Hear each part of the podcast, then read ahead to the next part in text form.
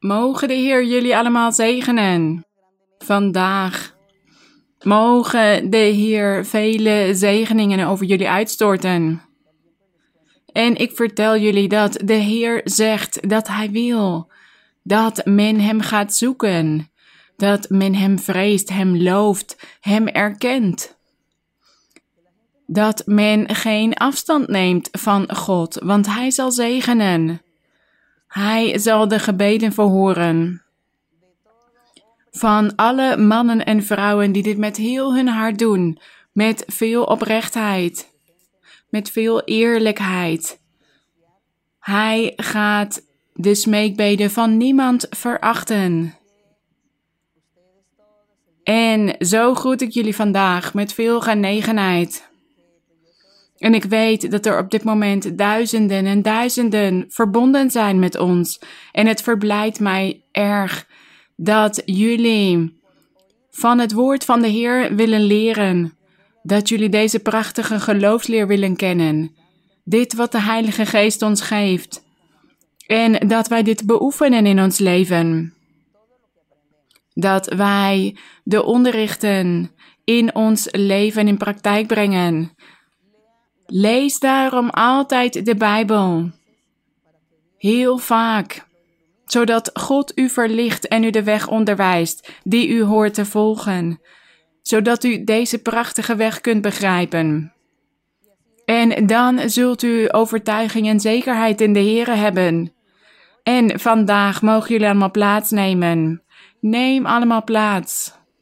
Waar jullie ook maar zijn. God spreekt heden. Hij spreekt vandaag. En dit heden is sinds 2000 jaar geleden begonnen. Iets meer dan 2000 jaar na de tijd van de Heer Jezus Christus op de aarde. Toen hij opvoer naar de hemel, heeft hij die andere trooster gestuurd. En sinds die tijd is die trooster bij alle harten bij het hart van mannen en vrouwen die bereidwillig zijn voor Hem, die Zijn weg willen volgen.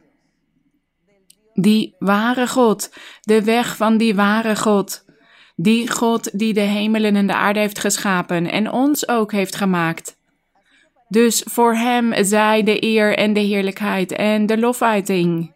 En vandaag gaan wij de oprechtheid overdenken. Oprechtheid of rechtschapenheid voor de Heer. Oprecht en rechtschapen voor de Heer wandelen. Oftewel een oprecht leven leiden voor onze God. Voor onze Heer, voor onze Koning. We gaan een aantal versen lezen waarin God het heeft over de oprechtheid. Hij eist, hij eiste van deze vroege personages van het oude volk oprechtheid, zoals Mozes, Jozua. Hij eiste van hen oprechtheid en hij eiste ook van hen om het volk te onderwijzen oprecht te zijn, rechtschapen. En daar gaan we vandaag over lezen. En we gaan leren wat dit betekent oprecht of rechtschapen te zijn voor de Heer. Want we kunnen ons afvragen: wat is oprecht of rechtschapen voor de Heer wandelen? We gaan hiervoor naar de geschiedenis kijken van deze personages en we gaan ook in de psalmen lezen. De gebeden, de liederen, die geïnspireerd waren door de geest van God in de mond van de zangers en van koning David. En God had het ook over oprechtheid en rechtschapenheid. En wat de vereisten daarvoor zijn om oprecht te kunnen zijn. Wat moeten we daarvoor doen? En laten we eerst in Jozua de Bijbel openen. Jozua hoofdstuk 24 vers 14. Dit hele hoofdstuk in het boek Jozua gaat erover dat Jozua zou overlijden. Hij moest afscheid nemen van deze wereld. En hij gaf een toespraak voor het volk van Israël en hij herinnerde hen wat alle geboden van God waren en alle woorden die God tegen hem had gezegd om aan het volk te onderwijzen, zodat iedereen God zou vrezen, zodat ze allemaal de geboden van God in acht zouden nemen. En op die manier zou God hen altijd zegenen en bijstaan, zoals hij dat tot op dat moment had gedaan. Gedurende het leven van Jozua.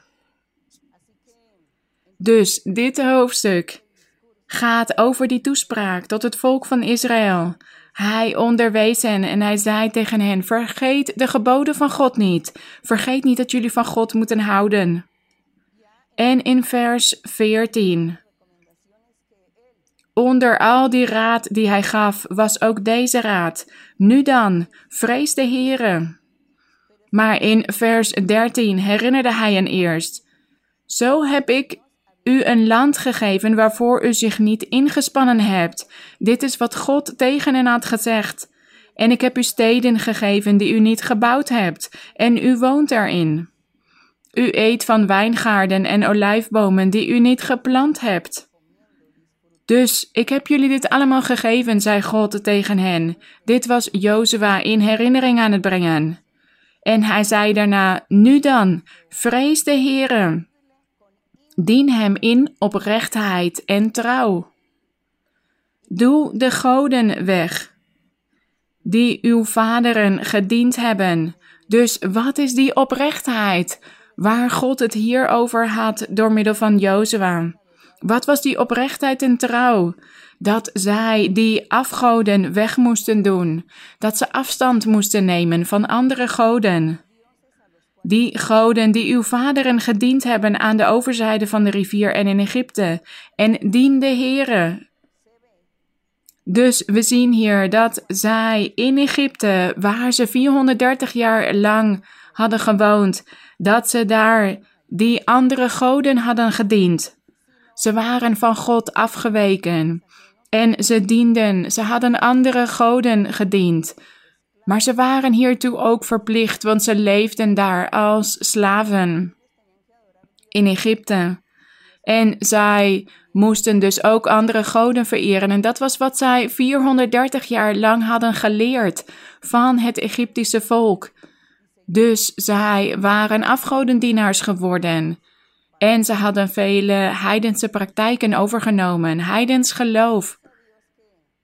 Maar wij danken God, want Hij liet Mozes opstaan om het volk van Israël uit Egypte weg te leiden.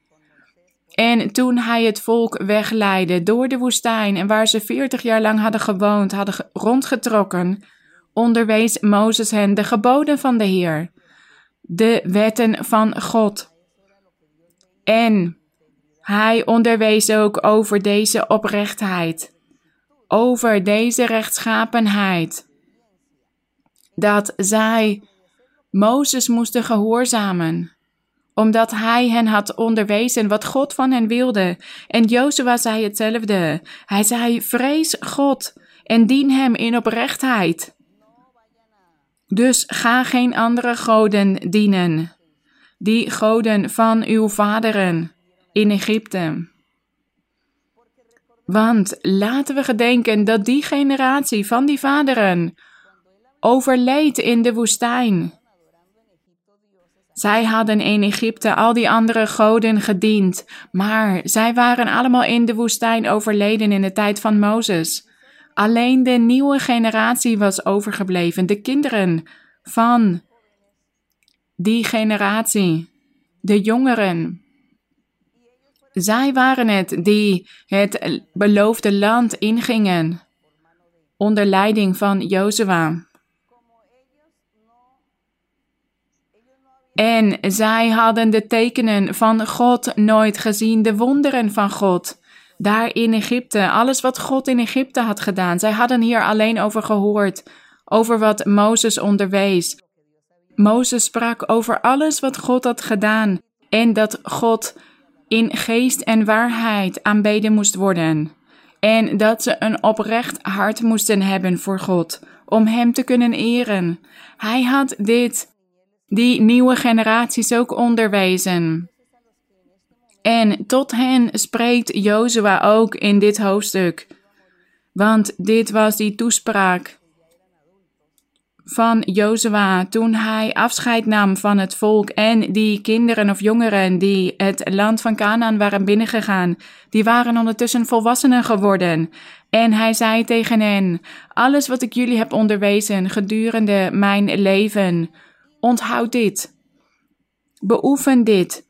Wees oprecht, wees rechtschapen voor de Heer. Dus doe de goden weg, ga niet die andere goden achterna. Standbeelden, dieren, stenen, bomen, vereer ze niet. Sterrenbeelden, de zon, de maan, de sterren, demonen. Doden, want als mensen overlijden, dan gaan andere mensen hen vereren en dan worden ze als een god voor hen, als een heilige. En zij vereerden ook demonen en kwade geesten en dat deden die heidense volken. En het volk van Israël had deze praktijken overgenomen in Egypte, maar Jozua zei hier tegen hen: Doe dit niet. Geloof in die God in geest en waarheid. Dat is wat hij hier tegen hen zei: dat ze oprecht moesten zijn, dat ze God moesten dienen in oprechtheid om de zegen van God te kunnen ontvangen. En laten we naar Eerste Koningen gaan. Na Jozua komt Richteren en dan de boeken van Samuel en dan de boeken van de koningen. Eerste Koningen, hoofdstuk 9, vers 4. Ik geef jullie een minuutje om het te zoeken. Eerste Koningen, hoofdstuk 9, vers 4. Hier gaat het over het verbond dat God met Salomo had gesloten. En ik geef jullie dus die minuut de tijd om in de Bijbel te zoeken. Want er zijn mensen die zeggen: Ja, ik zoek maar niet in de Bijbel. Ik luister beter, want ik zoek en zoek, maar kan het niet vinden. En daarom luister ik niet naar het onderricht. Dan ben ik niet geconcentreerd en begrijp ik het niet. Dus wij luisteren liever en ik zoek niet meer, want ik kan het niet op tijd vinden. Dat is ook goed, zeg ik. Ja, dat is ook goed. Het is goed om geconcentreerd te zijn. Maar er zijn ook mensen die ervan houden om mee te lezen en aantekeningen te nemen. Dus als jullie het kunnen vinden op tijd, zoek dan. Eerste Koningen hoofdstuk 9 vers 4. Hier gaat het over koning Salomo, de zoon van koning David. En hij had die prachtige tempel voor God gebouwd. Die tempel was als een wonder. Het was een majestueuze tempel. Het was de prachtigste tempel die er ooit op aarde is geweest, vol rijkdom en schoonheid en pracht. En van de allerbeste materialen, want zo moest de geestelijke tempel in de toekomst zijn. En dat is ons hart. Ons hart moet op die manier zijn, vol van edelstenen en stevig vastgezet door goud, zilver, de beste edelmetalen. Als ons hart op die manier gebouwd is, net zoals Salomo op een fysieke manier die tempel had gebouwd, dan zijn wij oprecht en rechtschapen voor de Heer. Want dan is onze tempel, ons hart op die manier gebouwd met vele rijkdommen, geestelijke rijkdommen. Dit was wat God door middel van die tempel wilde laten zien. Hoe de geestelijke tempel in de toekomst moest zijn, vol geestelijke rijkdommen. Een oprecht hart, een rechtschapen hart. En dat is wat wij vandaag de dag willen voor ons leven. En daarom lezen wij de Bijbel en kijken we naar de voorbeelden van de Bijbelpersonages om het goede aan te nemen en het slechte voorbeeld te verwerpen. En we hebben vandaag de Heilige Geest bij ons, in ons midden. Dus wij gaan nog veel meer moeite doen om de geloofsleer te kennen, zodat God ook van ons hart zo'n majestueuze tempel maakt. Goed, Eerste Koningen, hoofdstuk 9, Vers 4. We hebben het vandaag over de oprechtheid en de rechtschapenheid. En God zegt hier tegen Salomo in vers 3. De Heere zei tegen hem: Ik heb uw gebed en uw smeekbeden gehoord. Wat prachtig. Wat prachtig als God dit vandaag tegen een man of een vrouw zegt. Ik heb je gebed gehoord. Dat is prachtig. Dat is om te huilen van geluk. Hier staat: Ik heb uw gebed en uw smeekbeden gehoord, die u voor mijn aangezicht gesmeekt hebt. Ik heb dit huis dat u gebouwd hebt geheiligd om mijn naam daar tot in eeuwigheid te vestigen. Tot in eeuwigheid. In die tijd was het een fysieke tempel, maar daarna is dit een geestelijke tempel geworden. Die tempel die de Messias was komen opbouwen in het hart van mannen en vrouwen om God tot in alle eeuwigheid te dienen. En hier staat: Alle dagen zullen mijn ogen en mijn hart daar zijn. Vers 4. En u, Salomo, wanneer u voor mijn aangezicht wandelt, zoals uw vader David met een volkomen hart en in oprechtheid gewandeld heeft, door te handelen overeenkomstig alles wat ik u geboden heb, en u in mijn verordeningen en bepalingen in acht neemt. Als je dit allemaal doet, als je op deze manier wandelt in oprechtheid, wat zou dan die beloning zijn voor Salomo? Dan zal ik de troon van uw koningschap over Israël voor eeuwig bevestigen. Zoals ik met betrekking tot uw vader David gesproken heb, het zal u niet ontbreken aan een man op de troon van Israël.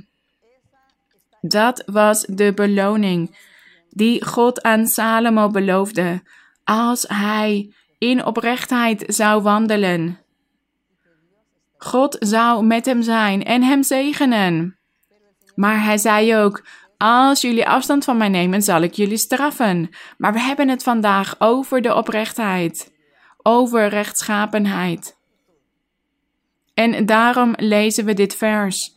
Want er zijn mensen die zich afvragen: wat is oprecht wandelen voor de Heer? Wij zijn dit nu aan het leren. Dat God dus ten eerste zegt: neem afstand van ander geloof, bijgeloof, zoveel bijgeloof. Zoveel voortekenen, andere goden, maagden, heiligen. Zoveel dingen heeft de wereld verzonnen om te aanbidden, om te vereren.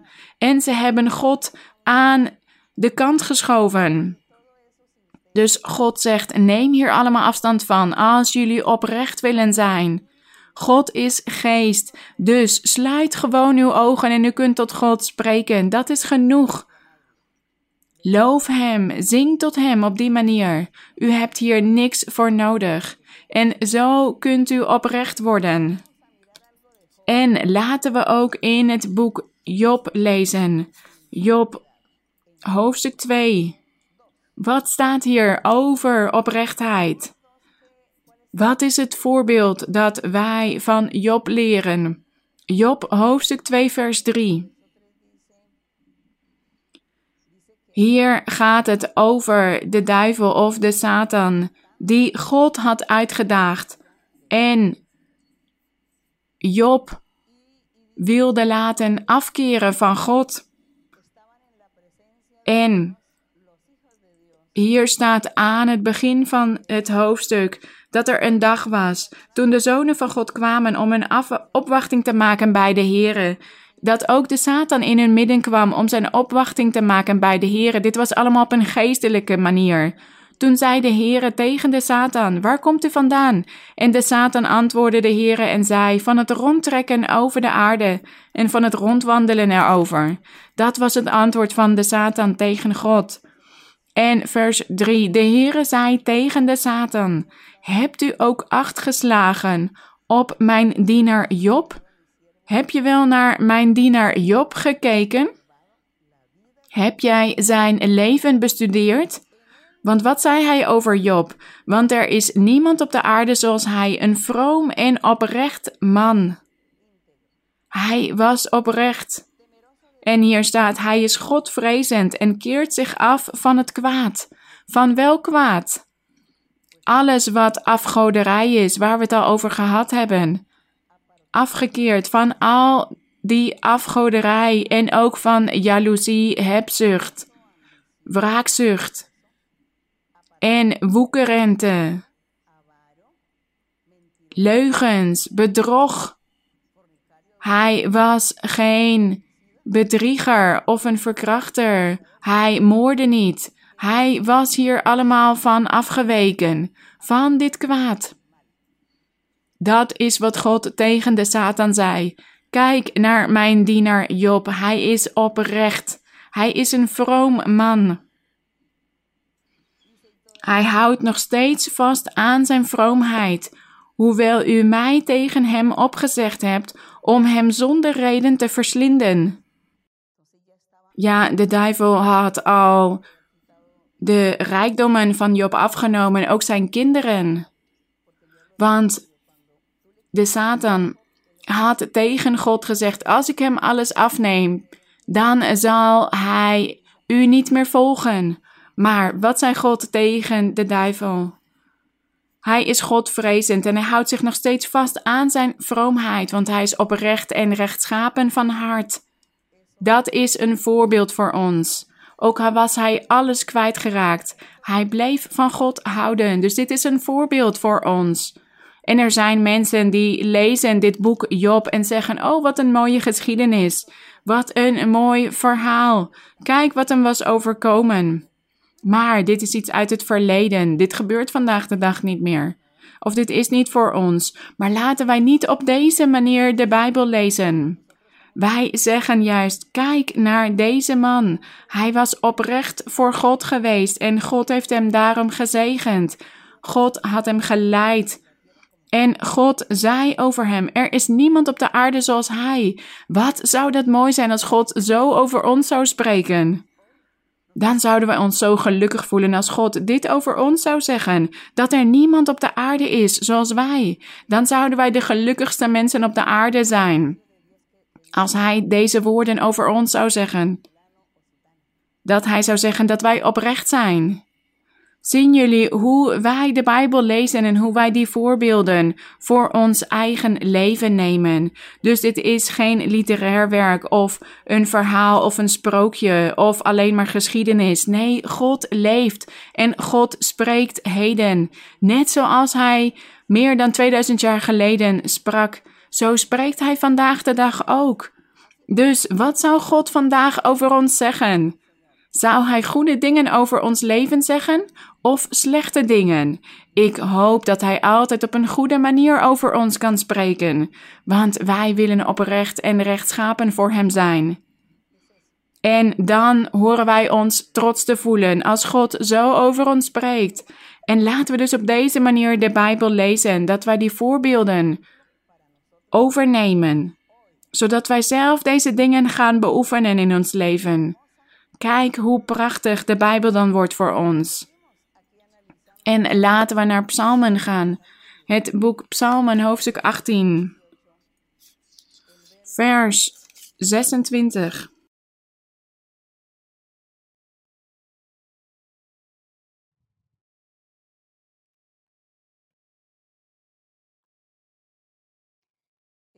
De Heer biedt hier zegeningen aan voor de rechtvaardigen, voor de oprechten. Hier spreekt de psalmist en wij weten dat de Heer Jezus Christus, de Heilige Geest, sprak door de mond van mensen, koning David en zijn zangers dat zijn deze woorden in de psalmen. En de Heer sprak ook voor zijn kerk. En de Heer sprak ook over de Verlosser, over de koning zelf. En in vers 24 staat: Maar ik was oprecht voor hem. Ik was op mijn hoede voor mijn ongerechtigheid. Daarom gaf de Heer mij naar mijn gerechtigheid, naar de reinheid van mijn handen voor zijn ogen. Dus hier staat dat dit personage beloond was door God. Hij was hoog verheven door God vanwege zijn gerechtigheid, omdat hij oprecht was voor God. Dit is een groot getuigenis voor ons, een groot voorbeeld.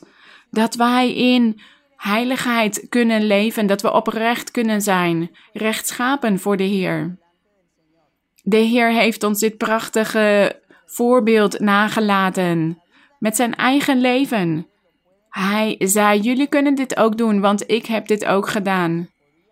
Want ik wil jullie geen lasten opleggen die jullie niet kunnen dragen. Maar ik heb het ook gedaan, dus jullie kunnen het ook. Ik heb me als een mens gedragen en het is me gelukt. En daarom was hij door de Vader beloond. En hij zei dus: Ik was oprecht voor hem en ik heb geen kwaad gedaan, geen ongerechtigheid.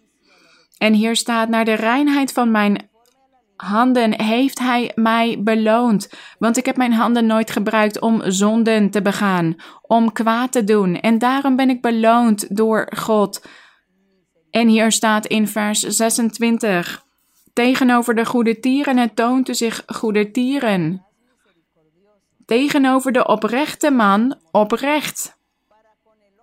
Dus we zien hier dat het erg belangrijk is dat wij een oprecht leven leiden voor onze God, dat ons hart rechtschapen is. Volkomen, want God beloont altijd en Hij zal ons zegenen en Hij zal altijd bij ons zijn. Hij zal altijd zijn hand naar ons uitstrekken en ons hoog verheffen. En Hij zal ons geen schipbreuk laten leiden. Hij zal ons altijd redden. En hier staat in 27, tegenover de reine toont zich rein. De glorie zij aan onze God. Wij danken de Heer voor deze prachtige beloften, deze prachtige zegeningen. En de belevenissen van al deze personages helpen ons om te kunnen groeien in ons geestelijk leven. En laten we verder gaan naar Psalm 33. Psalm 33, vers 1.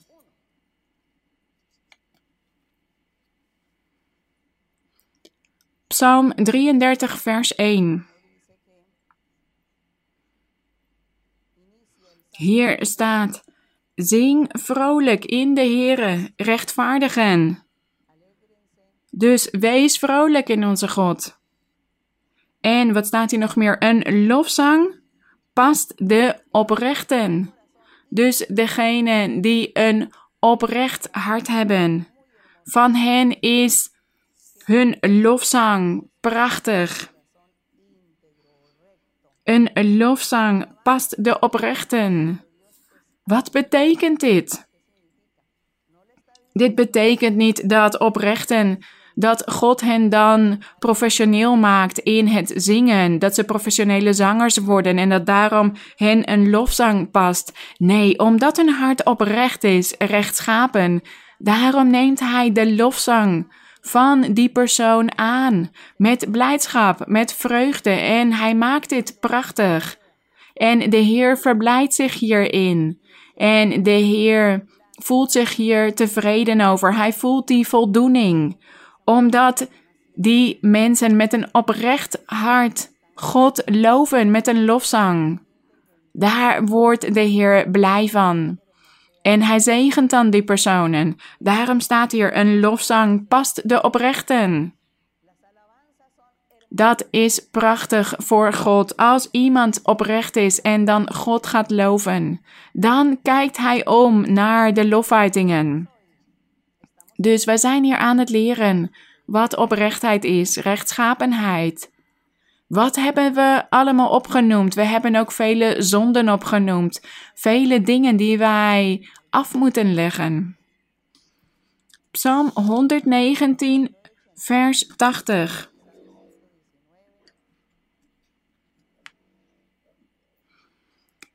Psalm 119, vers 80.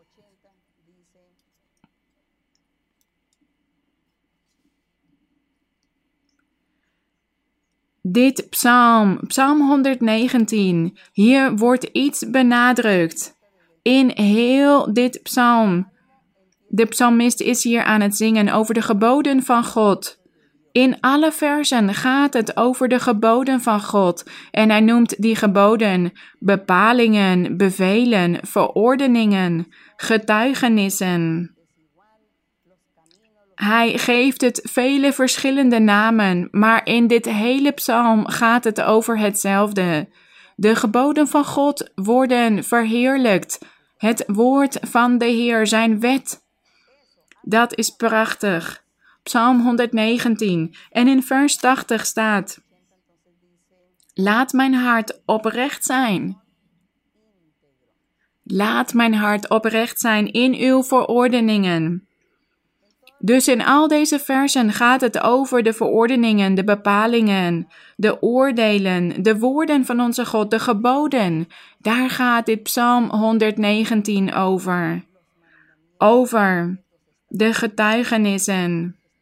Alles wat Hij heeft nagelaten, zodat wij als mensen Zijn geboden in acht kunnen nemen en zodat wij Zijn wil kunnen doen. Dat is Psalm 119.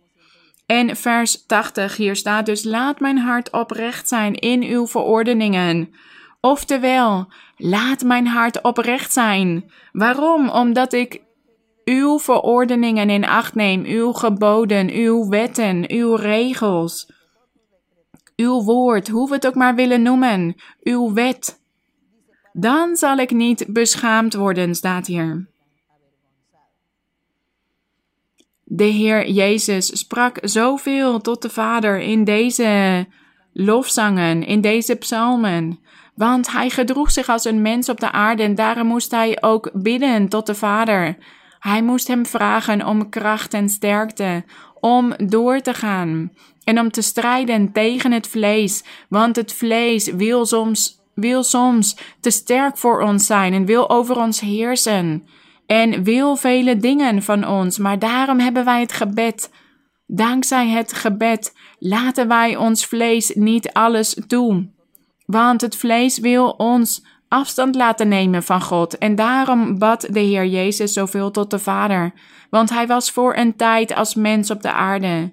En daarom liet hij zien dat hij moest bidden tot de Vader om sterk genoeg te zijn om over zijn vlees te heersen om de geboden van God in acht te kunnen nemen. En hier staat dus dat wij oprecht kunnen zijn als wij de verordeningen van God in acht nemen. En dit is mogelijk. Wij kunnen dit doen. En wij danken de Heer voor al zijn onderrichten. Wij danken onze God want dankzij Hem kunnen we al deze prachtige geheimenissen in de Bijbel begrijpen en die helpen ons om door te gaan in ons geestelijk leven. En laten we nu verder gaan naar het boek Spreuken. Spreuken hoofdstuk 20. Spreuken hoofdstuk 20, vers 7.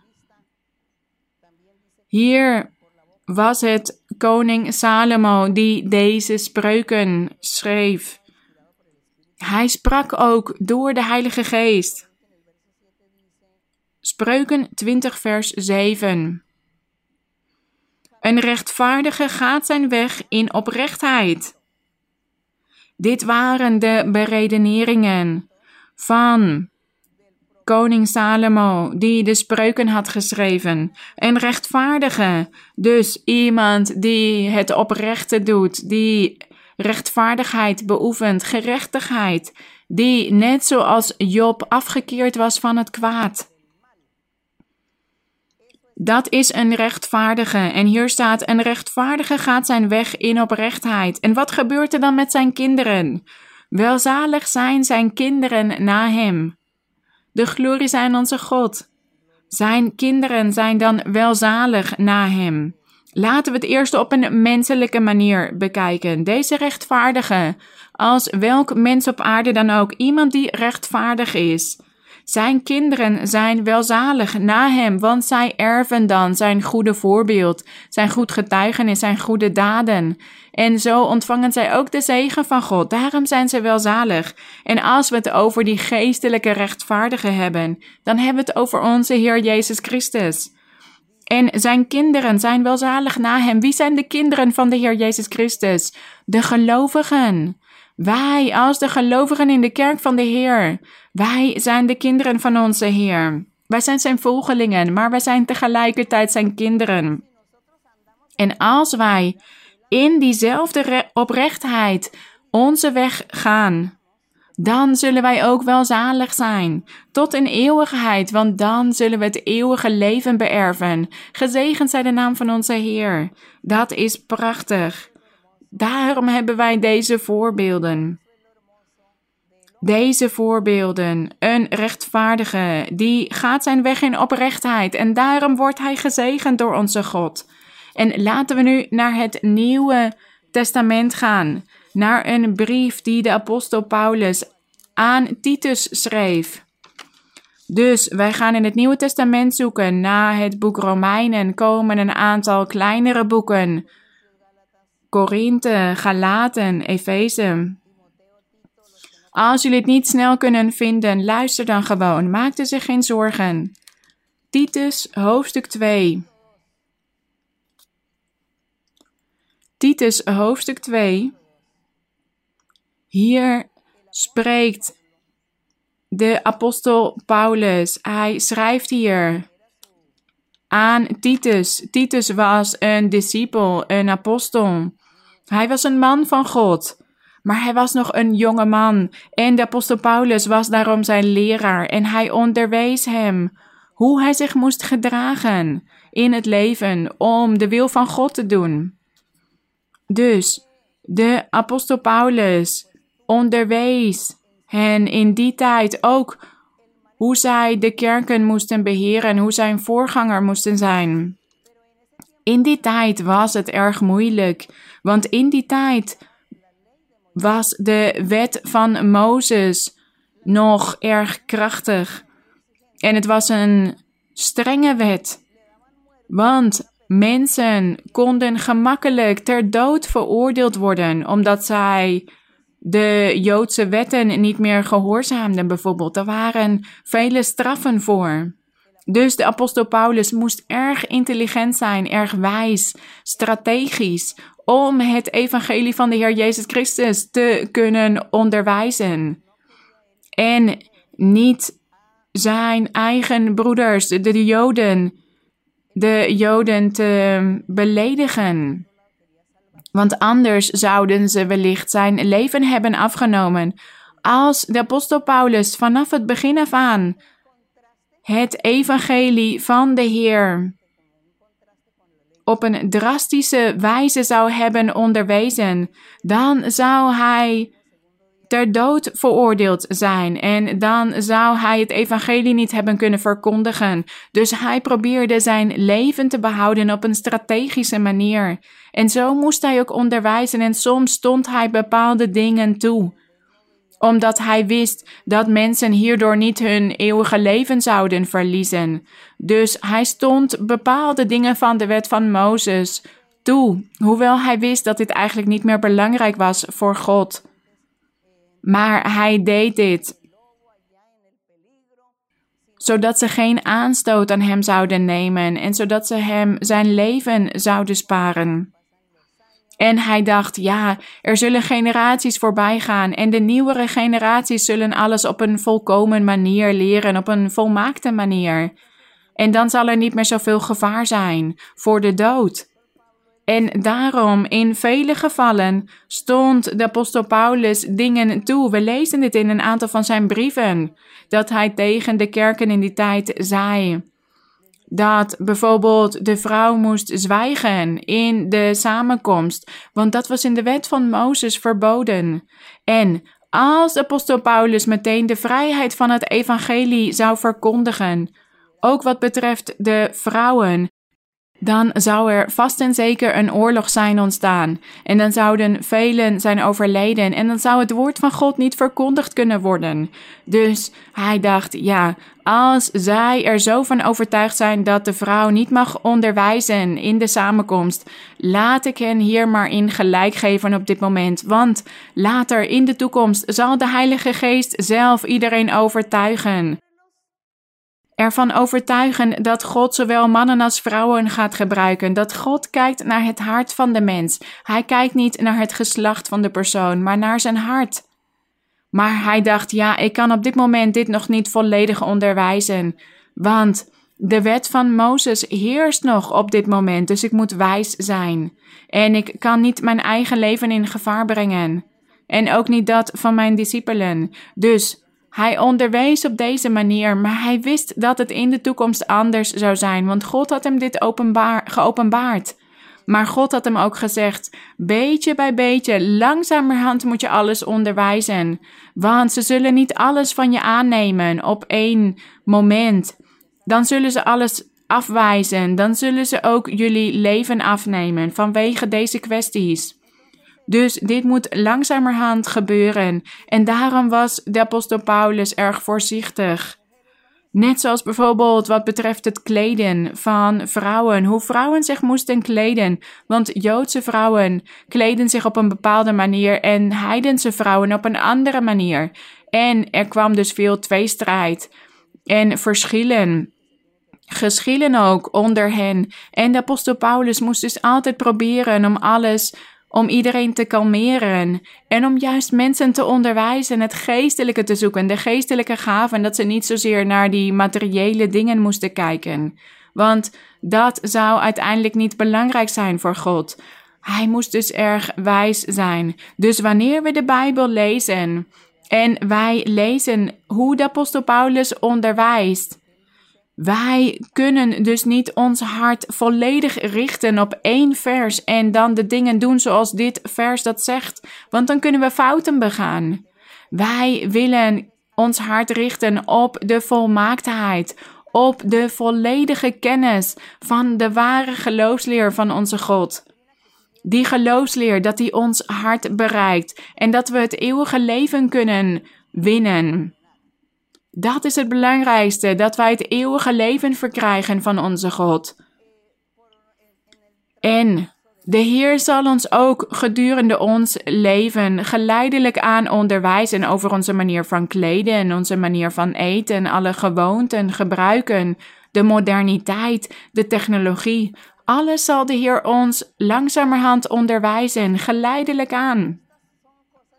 En dit zijn dus dingen dit is belangrijk om te begrijpen, zodat we ook de brieven van de apostel Paulus goed kunnen begrijpen. En laten we hier in de brief aan Titus lezen waar het hier gaat over de oprechtheid voor de Heer. Maar dit was dus allemaal gebaseerd op de ervaringen in die tijd. En hier staat in hoofdstuk 2, vers 1: Maar u spreek wat bij de gezonde leer past. De oudere mannen moeten beheerst zijn. Waarom waren er in die tijd mensen die oudere mannen werden genoemd, of ouderlingen, of oudsten in de gemeente, in de samenkomst? Die ouderlingen, die kenden de schriften uit hun hoofd. Zij kenden het wellicht uit hun hoofd, ze begrepen het niet goed, maar ze hadden wel heel veel de Bijbel gelezen, de schriften. En omdat ze dus veel ervaring hadden, met de schriften en ook ervaringen in hun leven. Daarom werden oudere mannen ouderlingen genoemd en dat zij de jongere mannen moesten onderwijzen. Vanwege al hun ervaringen in hun leven. Maar in het evangelie van de Heer is het anders. In die tijd van de apostel Paulus en van Titus, ja, hoe zou het zijn geweest? Er was veel tweestrijd, er waren veel geschillen over hoe de dingen moesten gebeuren.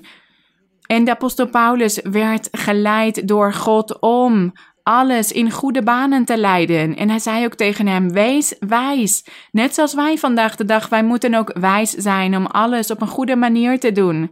En hij onderwees dus. De oudere, oudere mannen moeten beheerst zijn, de ouderlingen. En wie zijn de ouderlingen vandaag de dag in de kerk? Degenen die 60 jaar zijn, 70, 80, 90 jaar? Nee, dat zijn niet de ouderlingen in de kerk. Vandaag de dag begrijpen we het begrip ouderlingen anders. Want vandaag de dag komen mensen naar de kerk toe vanuit zoveel verschillende religies, godsdiensten, verkeerde onderrichten. En wellicht is er iemand 70 jaar en leert hij net de weg van de Heer kennen. Kunnen we dan zeggen dat hij een ouderling in de kerk is? Nee. Hij moet dan van nul of aan beginnen, alsof, alsof hij een baby is in de Heer, in, het in het geestelijke. Hij moet vanaf het begin beginnen. Dus wie is vandaag een ouderling? Het gaat niet meer om de leeftijd.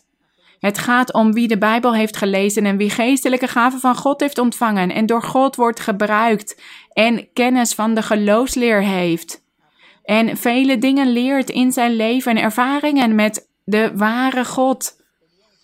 En zo begrijpt die persoon goed de Bijbel en kan hij anderen onderwijzen. Zo wordt iemand een ouderling in de kerk. Maar dit heeft dus niks te maken met leeftijd. Dit heeft te maken met zijn getuigenis, met zijn oprechtheid, met zijn rechtschapenheid voor de Heer. Met zijn kennis in God. Dat is een ouderlinge vandaag de dag, een ouderling. Dat is niet meer zoals in de oudheid. In de oudheid was het wel kwam het overeen met de leeftijd. Daarom staat hier: de oudere mannen moeten beheerst zijn, eerbaar, bezonnen, gezond in het geloof, in de liefde, in de volharding. Evenzo moeten de oudere vrouwen in hun gedrag zijn zoals het heiligen past. Dus het gaat hier ook over oudere vrouwen. Die ouderlingen, die vrouwen waren. Ze hadden vast de gave van profetie, de gave van handoplegging, openbaringen. Maar in sommige vrouwen, in sommige kerken stond men het dus de vrouwen niet toe om te onderwijzen, omdat apostel Paulus dit onderwees aan die bepaalde kerken. Maar er waren wel vrouwen aan het werk in de Heer. Ze, waren, ze zaten niet allemaal op een stoel te wachten. Nee, er waren wel vrouwen die God aan het dienen waren in die tijd. Maar ze moesten het op een wijze manier doen, een verstandige manier vanwege de wet van Mozes. En hier staat dus evenzo moeten de oudere vrouwen in hun gedrag zijn, zoals het heiligen past. En vandaag de dag hebben we dus niet meer over oudere vrouwen, maar vrouwen in het algemeen. Vrouwen in het algemeen. Hoe moeten zij leven zoals het heiligen past? Dus met een oprecht hart, met een rechtschapen hart. En wat moeten we daarvoor doen? Hun gedrag moet zijn zoals het heiligen past. Laten we dit analyseren. Analyseer het allemaal. Jullie zelf. Wel, welk gedrag past heiligen? En dan weten we hoe vrouwen zich moeten gedragen in de kerk. Dus geen kwaadspreeksters, geen roddelaars, niet verslaafd aan veel wijn. Maar leraressen van het goede, leraressen van het goede, wat is dit? Het goede. Dus geen zonden begaan. Hoeveel zonden bestaan er wel niet? En hier staat dus leraressen van het goede, dus van al het goede. Zo moeten vrouwen zich gedragen in de kerk. Degenen die zich bekeerd hebben tot God, die een oprecht hart willen hebben voor God. Dus dit is zowel voor vrouwen als voor mannen degene die een oprecht hart willen hebben. Vers 4. Opdat zij de jongere vrouwen leren verstandig te zijn, hun man lief te hebben, hun kinderen lief te hebben. Ja, in die tijd waren het dus oudere vrouwen in leeftijd die de jongere vrouwen moesten onderwijzen. Maar vandaag de dag zijn er jongere vrouwen in de kerk en die kennen al veel geloofsleer en die hebben veel gestudeerd en die weten ook hoe ze in hun gezin, hoe ze zich moeten gedragen. En ze hebben geestelijke gaven van God ontvangen en ze lezen de Bijbel. Dus deze vrouwen, ook al zijn ze jong, ze zijn geestelijk al volwassen. En zo kunnen zij dus ook ouderlingen in de kerk worden om andere vrouwen te onderwijzen hoe ze zich horen te gedragen voor God. Hoe kunnen zij een oprecht hart hebben voor God? En in vers 4 staat dus dat zij de jongere vrouwen moesten leren hun man lief te hebben. Maar ja, hun man moet dan wel bekeerd zijn tot God. Want als er een christelijke vrouw is, een vrouw van God die God lief heeft en God zoekt, maar als zij een man heeft die zich duivels gedraagt, ja, wij zeggen dit zo, dat hij kwaad doet, dat hij slecht is, dat hij wellicht van veel vrouwen houdt of veel vaak dronken wordt en dat hij zijn verplichtingen niet nakomt. Hoe kan die vrouw dan haar man liefhebben en respecteren en een slaaf, een slavin zijn van haar man? Nee. Nee, in de Bijbel lezen we ook dat als een vrouw zo'n man heeft, dan moet ze van hem scheiden. Want wie gaat dit verdragen? Als ze mishandeld wordt, als ze niet gerespecteerd wordt als ze op een verschrikkelijke manier behandeld wordt. Dus als hier staat dat ze jongere vrouwen moeten onderwijzen hun man lief te hebben, is het omdat die man ook een man van God is, ook een oprecht hart heeft en ook zijn vrouw respecteert en van zijn vrouw houdt en van God houdt. Dus laten we dit niet verdraaien of laten we ons niet vergissen als wij dit lezen dat er dan een man is die heel slecht leeft en haar, zijn vrouw schopt en mishandelt en zegt: Ja, in jouw kerk wordt je onderwezen dat je mij lief moet hebben, dus je moet mij lief hebben. Nee, als dit het geval is, dan is het beter om te scheiden en geen slavin te zijn van iemand die niet bij zijn gezonde verstand is. Iemand die niet bij zijn gezonde verstand is. Dus we hebben het hier over mannen en vrouwen die gelovigen zijn in de Heer en een oprecht hart hebben voor God. Daar hebben we het hier over. En het lijkt met deze versen alsof we van het onderwerp zijn afgeweken. Maar nee, door deze versen begrijpen wij wat de oprechtheid is, wat rechtschapenheid is voor de Heer. Al deze dingen, hier leren wij van. Want in de gezinnen zijn er ook vele misstanden, veel onbegrip, vele problemen. Dus dan zal niemand in dat gezin een oprecht hart kunnen hebben. Als al die problemen zich voordoen in het gezin. Dus daar moeten we beginnen, in ons eigen huis. Dat we alle problemen oplossen. En daarna in ons dagelijks leven buiten ons huis. En hier staat in vers 5: Onderwijs hen bezonnen te zijn en kuis, te zorgen voor hun huishouden, goed te zijn, hun eigen mannen onderdanig te zijn, maar als hun mannen dus heilig zijn, als dit mannen van God zijn, als dit dus een man is die overspel pleegt, ontucht pleegt, of een drugsverslaafde is, of een dronkaard, of dat hij alleen maar naar pornografie kijkt, dag en nacht in ondeugden leeft, drugs, en als hij zijn verplichtingen niet nakomt jegens zijn vrouw, hoe gaat zij dan onderdanig zijn aan haar man? Hoe gaat zij hem dan liefhebben? Nee, zo is dit niet. De mannen moeten ook heilig zijn, mannen van God, om dit te kunnen winnen, om die, om dat, die onderdanigheid en dat respect van hun vrouw te kunnen winnen. En als beiden naar God zoeken, dan zullen beiden een oprecht hart verkrijgen.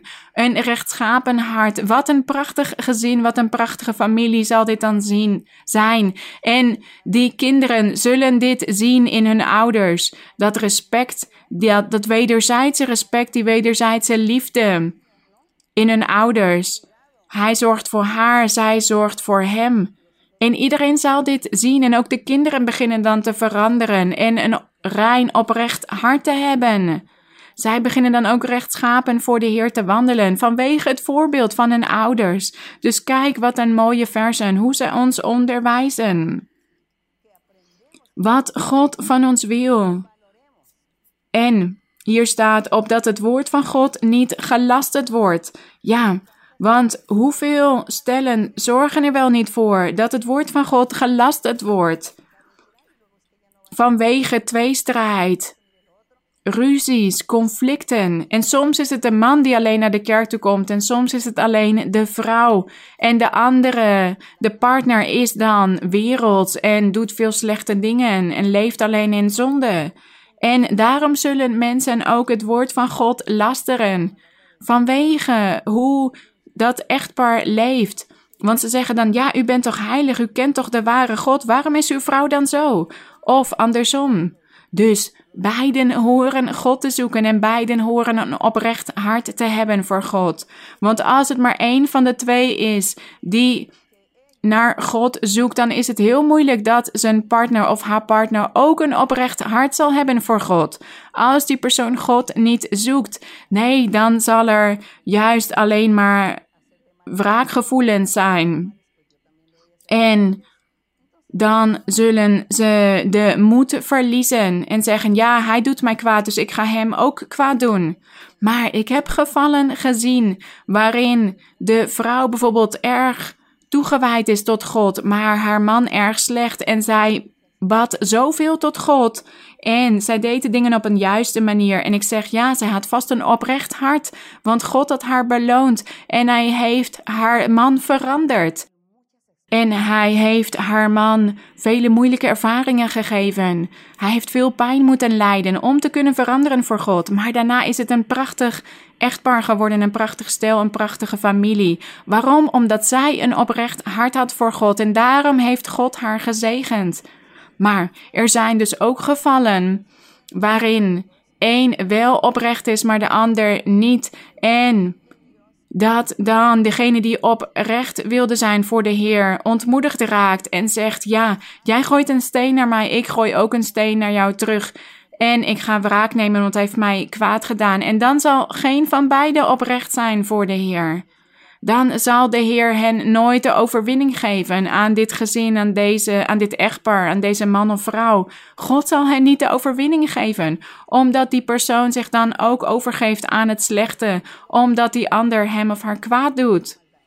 Dus, we moeten oprecht zijn voor de Heer, oprecht en rechtschapen. En dan zal God ons helpen, want dat lezen we in de Bijbel. God beschermt en zegent en verdedigt degenen die oprecht zijn. En hij zegt dan: Ik ga haar niet meer laten lijden. Ik ga hem niet meer laten lijden. Ik ga iets doen om het probleem op te lossen.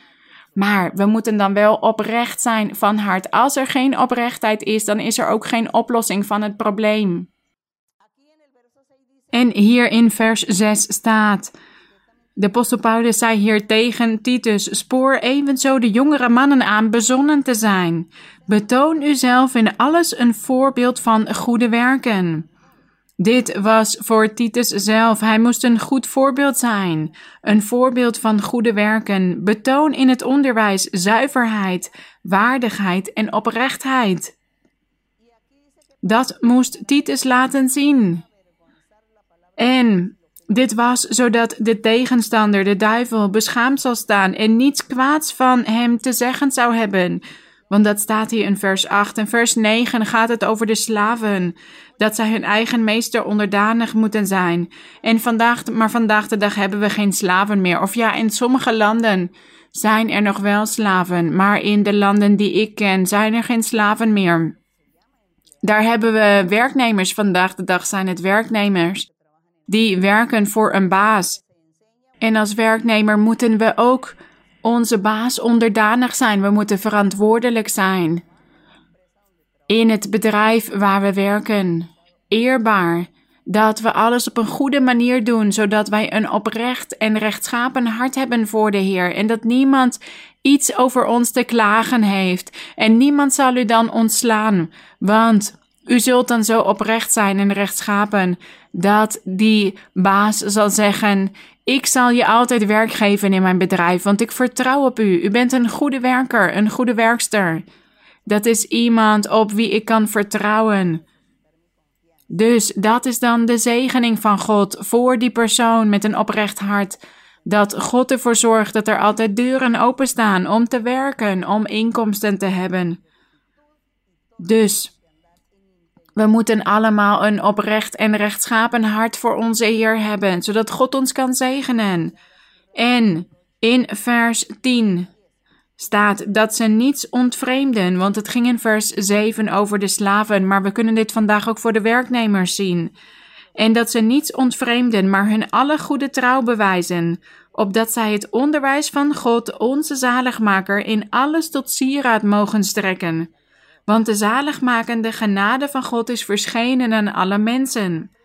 En leert ons de goddeloosheid, oftewel het slechte, het kwade, en ook de wereldse begeerten te verlogenen en in deze tegenwoordige wereld bezonnen, rechtvaardig en godvruchtig te leven, terwijl wij verwachten de zalige hoop en verschijning van de heerlijkheid van de grote God en onze zaligmaker, Jezus Christus, hij heeft zichzelf voor ons gegeven, opdat Hij ons zou vrijkopen van alle wetteloosheid en voor zichzelf een eigen volk zou reinigen.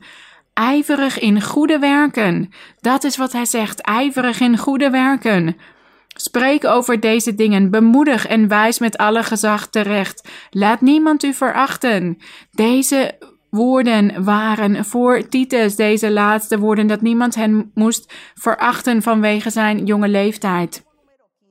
En laten we nog uiteindelijk lezen in Psalm 15 over die oprechtheid. We gaan heel Psalm 15 lezen, want het is een kort psalm en het gaat hier over oprechtheid en rechtschapenheid. Dus in ons dagelijks leven en in ons geestelijk leven met God, dit laat ons zien hoe wij zijn, wie wij zijn, hoe is ons hart, zijn wij oprecht of ontbreekt het ons nog aan iets? Hier gaan we meer lezen in Psalm 15. Hier staan vereisten geschreven, waar we aan moeten voldoen om oprecht te zijn. Dus jullie gaan mij niet meer vragen wat de oprechtheid betekent of rechtschapenheid, want jullie weten het nu.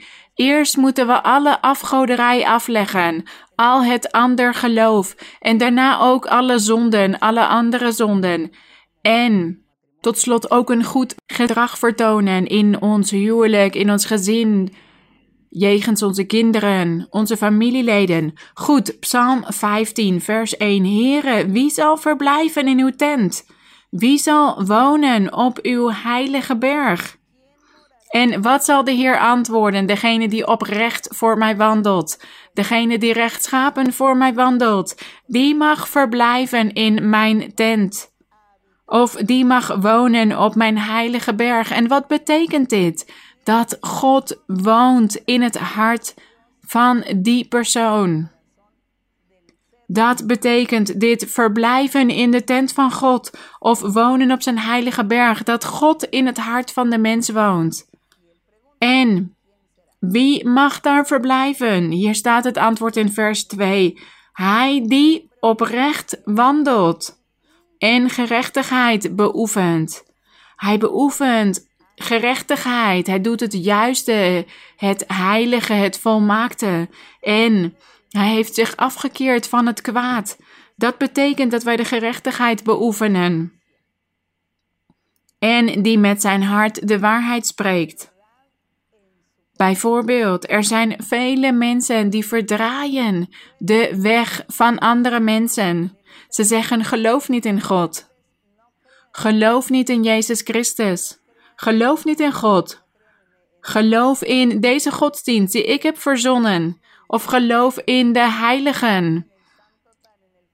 In deze heilige of die heilige. Geloof in dit personage dat lang geleden is overleden. Maar bid tot hem en hij zal u alles geven. Dat betekent dat iemand geen waarheid spreekt met zijn hart. Want hij laat dan juist mensen van de juiste weg afwijken. Hij verdraait dan de weg van anderen. Die spreekt dan leugens, maar geen waarheid. En degene die de waarheid spreekt, die is het waard om op de heilige berg van God te mogen wonen of in de tent van God te mogen verblijven die met zijn hart de waarheid spreekt. En vers 3. Die met zijn tong niet lastert. Die mag verblijven in de tent van onze God. Die met zijn tong niet lastert. Hij die niet lastert. En laster praat. Ja, dat is niet alleen maar tegen iemand zeggen dat iemand wat gestolen heeft terwijl dat niet waar is. Nee, lasterpraat is ook als mensen tegen de kinderen van God zeggen: Jullie zijn van de duivel. Dit is een leugen wat jullie verkondigen. Wat jullie in de kerk doen, dat is duivels. Dat is niet van God. God bestaat niet. Dan is die persoon aan het lasteren. Lasteren is wanneer iemand slecht spreekt over alles wat met God te maken heeft. En het kan dus bijvoorbeeld ook zijn dat iemand lastert. Dat hij bijvoorbeeld zegt dat iemand anders wat heeft gestolen en dit niet heeft gedaan. Dat is ook lasterpraat. En iemand die deze dingen uit, die is het niet waard om in de tent van God te verblijven. die is het niet waard dat God in zijn hart komt wonen, omdat hij geen oprecht hart heeft voor de Heer. En hier staat ook: zijn vrienden geen kwaad doet en geen smaad jegens zijn naaste op de lippen neemt. Vers 4: In zijn ogen is de verworpene veracht.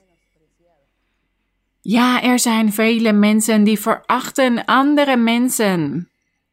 Maar sommigen kijken juist naar hen om. Want er zijn mensen die zijn niet barmhartig, die kijken niet om naar anderen, die geven niet aan de behoeftigen, aan de hulpelozen, de zwakken, maar ze gaan juist tegen en opstaan. Maar de Heer zegt dan: er is geen barmhartigheid in het hart van die personen en daarom zijn zij het niet waard dat God met hen is, omdat ze geen oprecht hart hebben. Goed. Wat staat hier nog meer in vers 4? Hier staat, maar wie de Heere vrezen, eert hij. Heeft hij gezworen tot zijn schade, zijn eed verandert hij evenwel niet. Dus er zijn mensen die wellicht iemand anders kwaad doen, maar die andere persoon die verandert daardoor niet. Die blijft barmhartig en die blijft God respecteren en waarderen en blijft zijn naasten helpen, ondanks dat anderen hem kwaad doen. En in vers 5, wat staat hier nog meer? Wie zal verblijven in de tent van de Heere? Wie zal wonen op zijn heilige berg? Vers 5. Zijn geld leent hij niet uit tegen rente of tegen woekerrente. Dus als er iemand geld uitleent tegen woekerrente, hier in de cultuur van Latijns-Amerika, ja, hier in Verenigde Staten weet ik het niet zo goed, maar in Latijns-Amerika weet ik dat er mensen zijn die geld uitlenen tegen 5 of 10 procent rente. Ik weet niet precies wat het aantal is, hoeveel procent, maar zij vragen dan woekerrente aan andere mensen. Dat is te veel, te veel rente, want mensen kunnen dat niet betalen. En als die persoon dat dan niet kan betalen, dan krijgt die persoon steeds meer schulden. En uiteindelijk zal die persoon die dat geld heeft uitgeleend, die zal dan het weinige dat die andere persoon heeft van hem afnemen. Vanwege zijn schulden. En die persoon is dan zonder woning, zonder kleding, zonder voedsel. Dit is onrechtvaardig. Dit is niet juist. Dit is niet correct. Als iemand een oprecht hart wil hebben, dan kan hij niet dit soort dingen doen, want anders zal God niet in zijn hart gaan wonen.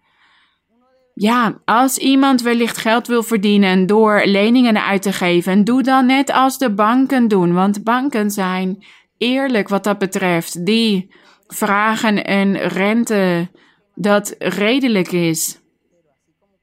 Maar ze hebben ook vele gemakken en soms moeten we ook barmhartig zijn als we geld uitlenen. En als jullie dat niet willen, dan is het beter om niet dat soort zaken te doen, om geen leningen uit te geven.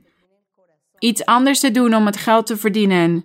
Want degene die een oprecht hart heeft, die doet alles juist en die doet niemand anders kwaad. Want als er dan problemen komen en geestelijke levens vernietigd worden vanwege dit soort zaken, dan is het beter om andere zaken te doen in ons leven. Een ander beroep, een andere baan, ander werk. Vers 5, hier staat dus: Zijn geld leent hij niet uit tegen rente.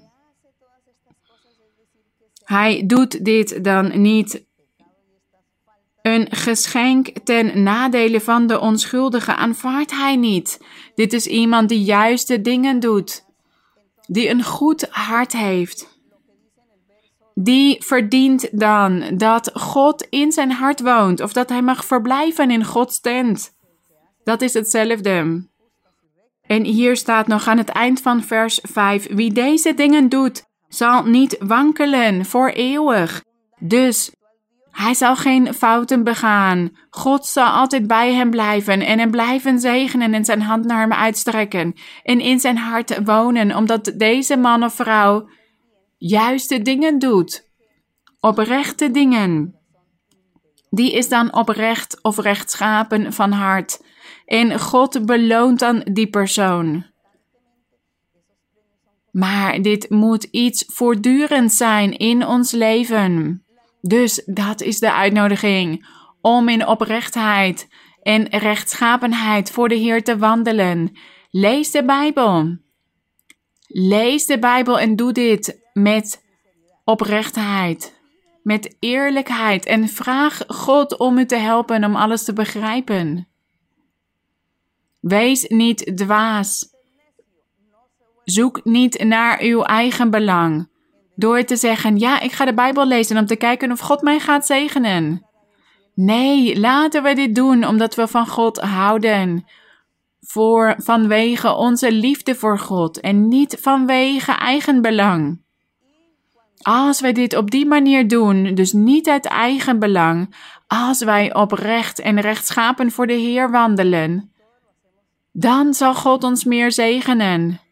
God zal ons meer belonen. Maar laten we dit niet doen vanwege de beloning. Laten we van God houden met heel ons hart.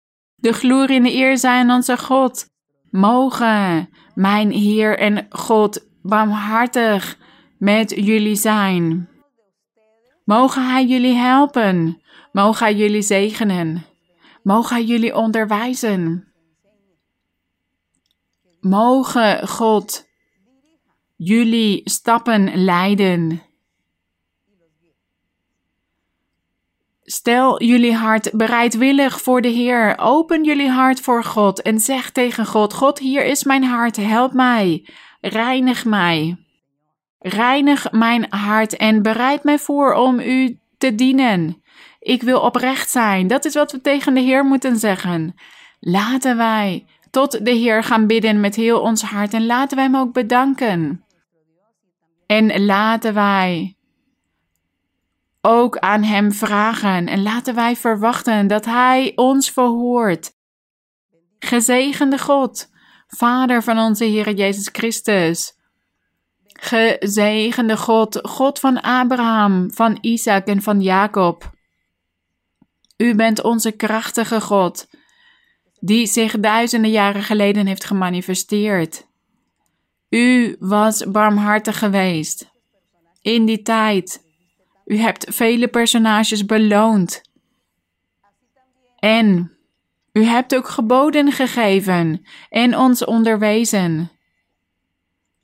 En sinds die tijd hebt u de mens altijd onderwezen hoe u lief te hebben, hoe uw weg te volgen, hoe te handelen in dit leven op deze weg die wij belopen. Heer, wij danken u voor uw barmhartigheid.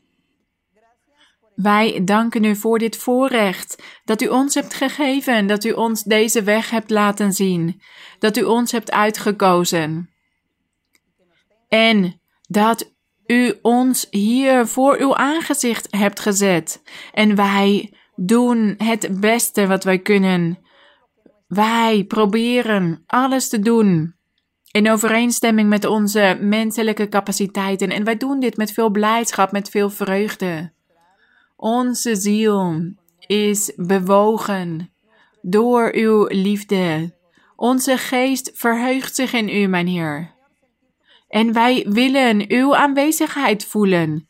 Wij willen uw krachtige hand in ons leven zien. En dat u altijd de Heilige Geest naar ons stuurt, over ons laat komen, om ons te onderwijzen, om ons te leiden, om ons te vermanen en raad te geven. Dat willen wij, Heilige Vader. Dat u ook barmhartig bent met degenen die uw wegen nog niet hebben begrepen. En toch zijn ze al vele jaren in de kerk en komen ze samen bij ons. Ik weet dat er mensen zijn die al vijf of tien, vijftien, twintig jaar in de kerk zijn, maar nog steeds geen geloofsleer kennen. En dat ze nog steeds in het slechte leven, in de zonde leven. En dat ze nog steeds afgodendienaars zijn en vele zonden begaan. En dat maakt mij verdrietig, mijn vader. Maar ik ken ook uw kracht en ik weet dat u almachtig bent en barmhartig. En als u iemand wil zegenen, dan doet u dat. En als u iemand wil bevrijden, dan doet u dat. Dus ik vertrouw op uw liefde en uw barmhartigheid. En wij hopen onze verplichtingen jegens u te kunnen vervullen, mijn Heer. Te werken in uw wijngaard, mijn Heer. En uw werk te doen, dat wat u ons hebt opgedragen sinds het begin. U hebt ons allemaal een taak gegeven. En wij moeten dat werk voor u verrichten met heel ons hart. U zult ons helpen, mijn Heer, zodat dat werk volmaakt zal zijn. Zodat u zich behaagt over wat wij doen. Help ons, mijn Heer. Geef ons intelligentie en wijsheid om uw wegen te kunnen begrijpen. En geef ons die wijsheid om dingen op een goede manier te kunnen doen. Want dat is wat wij willen. We danken u, mijn Vader. En nu, in de naam van uw Zoon, de Heer Jezus Christus, vraag ik u om uw genezende hand uit te strekken. Over mannen, vrouwen, kinderen, ouderen, mensen van welke leeftijd dan ook die ziek zijn, die kwalen hebben, pijn in hun lichaam. Genees hen. Genees hen van hun hoofd tot aan hun voedsel, mijn Heer. Breek die ketens. Verbreek de banden van de duivel en neem ook die hekserijen en toverspreuken weg. Want kijk, mijn vader, dit is zo overvloedig in de wereld. Bezweringen, toverspreuken. En dit zorgt ervoor dat vele mensen ziek zijn of in ellende leven, wanhopig zijn, gek worden. Heer, wees barmhartig met hen allen en neem dit werk van de duivel weg. En ik weet dat velen tot u bidden, maar als zij het niet waard zijn om door u gezegend te worden, mijn Heer, dan vraag ik u om toch barmhartig met hen te zijn en hen te genezen, te bevrijden. En we danken u, Hemelse Vader, voor uw liefde en uw barmhartigheid. Wij danken u, mijn Heer, omdat u ons hebt uitgekozen. Omdat u ons hebt toegestaan om de Bijbel te leren kennen, uw woord, uw wegen. En wij danken u omdat u ons uw aanwezigheid laat voelen in ons hart. Gezegend en geprezen zij uw naam tot in eeuwigheid. Vader, mijn Vader, ik vraag u om een zegen voor iedereen. Mogen iedereen vandaag een zegen ontvangen. De glorie en de eer zij aan u tot in alle eeuwigheid. Laten wij een koor zingen tot onze Heer. Koor 12. De vreugde van de Heer is waar ik kracht uit haal. Koor nummer 12. De vreugde van de Heer is waar ik kracht uit haal. De vreugde van de Heer is waar ik kracht uit haal. De vreugde van de Heer is waar ik kracht uit haal. En zijn vreugde zonder grenzen geeft hij mij. Als jij zijn vreugde voelt, dan zing je voor de Heer. Als jij zijn vreugde voelt, dan dans je voor de Heer. Als jij zijn vreugde voelt, dan juich je voor de Heer. En zijn vreugde zonder grenzen geeft hij jou. De vreugde van de Heer is waar ik kracht uit haal. De vreugde van de Heer is waar ik kracht uit haal. De vreugde van de Heer is waar ik kracht uit haal. En zijn vreugde zonder grenzen geeft hij mij. Als jij zijn vreugde voelt, dan zing je voor de Heer. Als jij zijn vreugde voelt, dan dans je voor de Heer. Als jij zijn vreugde voelt, dan juich je voor de Heer. En zijn vreugde zonder grenzen geeft hij jou. De glorie zij aan mijn Heer. Wij danken onze Heer. En zo vol vreugde en blijdschap nemen we afscheid van elkaar vandaag. En wij hopen erop dat wij hier binnenkort weer samen kunnen zijn om over de Heer te blijven spreken. Wat mooi is het om de Bijbel te lezen en om over God te spreken. Mogen mijn Heer jullie zegenen. Ik hou van jullie.